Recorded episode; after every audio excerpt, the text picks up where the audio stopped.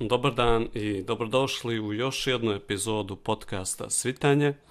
Ovo je hronološki četvrta epizoda, iako je meni šest ili sedmi put da snimam nešto.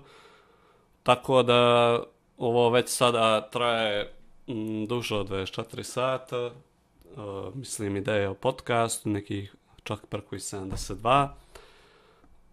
I u suštini i dalje podcast nema poentu, nema suštinu. Tako da mi to daje slobodu da pričam o čemu god želim, a i da eksperimentišem malo sa zvukom, sa kamerom, sa osvjetljenjem i sa samim sobom, očigledno. To je malo pogrešno zvučalo, ali kao a, sve što čovjek radi na putu svog ličnog i profesionalnog i kako god razvoja, mora da se radi ozbiljno, mora da se radi sa ozbiljnim stepenom organizacije, mora da postoji ozbiljan stepen kontinuiteta i mora da postoji jednostavno upornost, volja i da se ne čeka sa naletima inspiracije,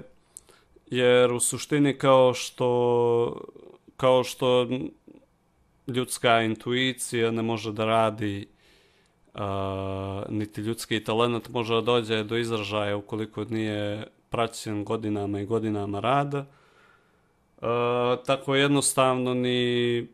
uh, ni u tom kreativnom procesu kao što je ovaj ne može da dođe do rezultata ukoliko nema e, uloženog rada iza toga. I često često se dakle i ti kreativni poslovi podcjenjuju u tom smislu što jer u suštini šta je ovo, ja sam stavio kameru, palio je da snima i počeo da bulaznim, a, ali u stvari mislim da, će, da ovo može da se oblikuje jedan a, kreativan izraz i sve, miš, sve više mi se sviđa ova forma izražavanja u kom čovjek nekako ima slobodu da pusti svoje misli, da odrade posao, a da se nekako ne opterećuje time što će da bude finalni rezultat, što je, što je, što je često i prepreka uh, u kreativnom radu, to vidim i po sebi, jer uh, uvijek se nekako fokus stavi na tom finalnom proizvodu koji bilo da je to pjesma, slika, fotografija, video i tako dalje, uvijek uh, uvijek postoji uh, uvijek postoji neko očekivanje od toga kako će taj finalni proizvod da izgleda, da zvuči ili šta god. I to često predstavlja veliku prepreku uh, umjetnicima, pogotovo ukoliko, je, ukoliko, je, ukoliko su osobe perfekcionisti ili teže tome. Uh, I često zna naporan je rad, na primjer, napisati nekoliko strana knjige, a kamoli cijelu knjigu. I naporan je rad e, napraviti video ili napraviti pjesmu. I mnogo, mnogo rade i trudu ulazi to bez nekog, uh, bez nekog automatskog feedbacka, što čini taj kreativni posao mnogo težim. Na primjer, uh, ukoliko pravite animirani, uh, animirani film od par minuta, eto recimo 3, 4, 5 minuta, va, uh, za taj posao je sigurno potrebno par mjeseci. I nije sve u kori, uh, eh, nije sve u talentu za crtanje, talentu za pisanje, postoji mnogo rada, mnogo fizičkog rada, iscrpljujućeg rada na programima i u softveru za za te stvari i jednostavno nekad uh, taj tehnički dio posla je u stvari ključ onoga što, što je u stvari ta kreativna cijelina koja se pravi. Na primjer, kad sam pravio animaciju koja je trajala malo, malo manje od minut, uh, likove sam usmislio prije pola godine otprilike, dok sam finalni produkt realizovao negdje prije možda mjesec, mjesec i po dana. Što znači da je cjelokupni projekat trajao oko 4 mjeseca za animaciju od minut. i imam priličan broj e, započetih knjiga koje sve imaju po nekoliko strana, neke su povezane, neke nisu. I vrlo je teško sklopiti tu cijelinu jer vi nemate ko, koji god posao da obavljate. Uh, na dnevnoj osnovi uglavnom često imate neki feedback na kraju dana i neki vidljivi rezultat, dok u kreativnom poslu uh, vidljivih rezultata često nema po par dana, nekad po par nedelja, nekad po par mjeseci, a očigledno i po par godina. I teško je održati kontinuitet u, u, u takvom radu i vrlo često dolazi do, do burnouta. E, na primjer, ja nekad počnem toliko stvari ili jednostavno već imam započeto toliko stvari da a, mi teško bude da se odreknem da radim jedno, a da ne radim drugo i da često završim ne radeći ništa. Što je uh, prilično što prilično usporava bilo kakvu bilo kakav progres u tom kreativnom radu. Uh, te stoga vrlo bitno održati kontinuitet na dnevnoj osnovi,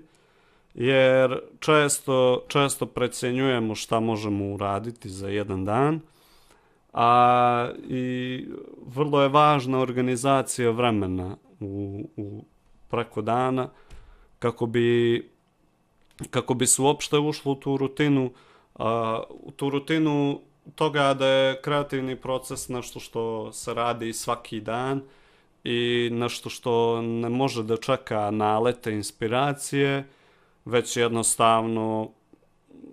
zanatski posao, e, baš posao koji zahtijeva rutinu, kontinuitet, konzistentnost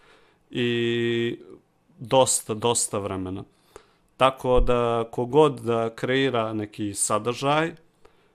sigurno, sigurno zna o čemu pričam i sigurno zna koliko je dakle važan kontinuitet, da će kvalitet e, naravno varirati, ali da ukoliko, ukoliko prođe dovoljno vremena, da kvalitet uopšte neće opadati bez obzira na, to jest da, da će kvalitet postajati bolji,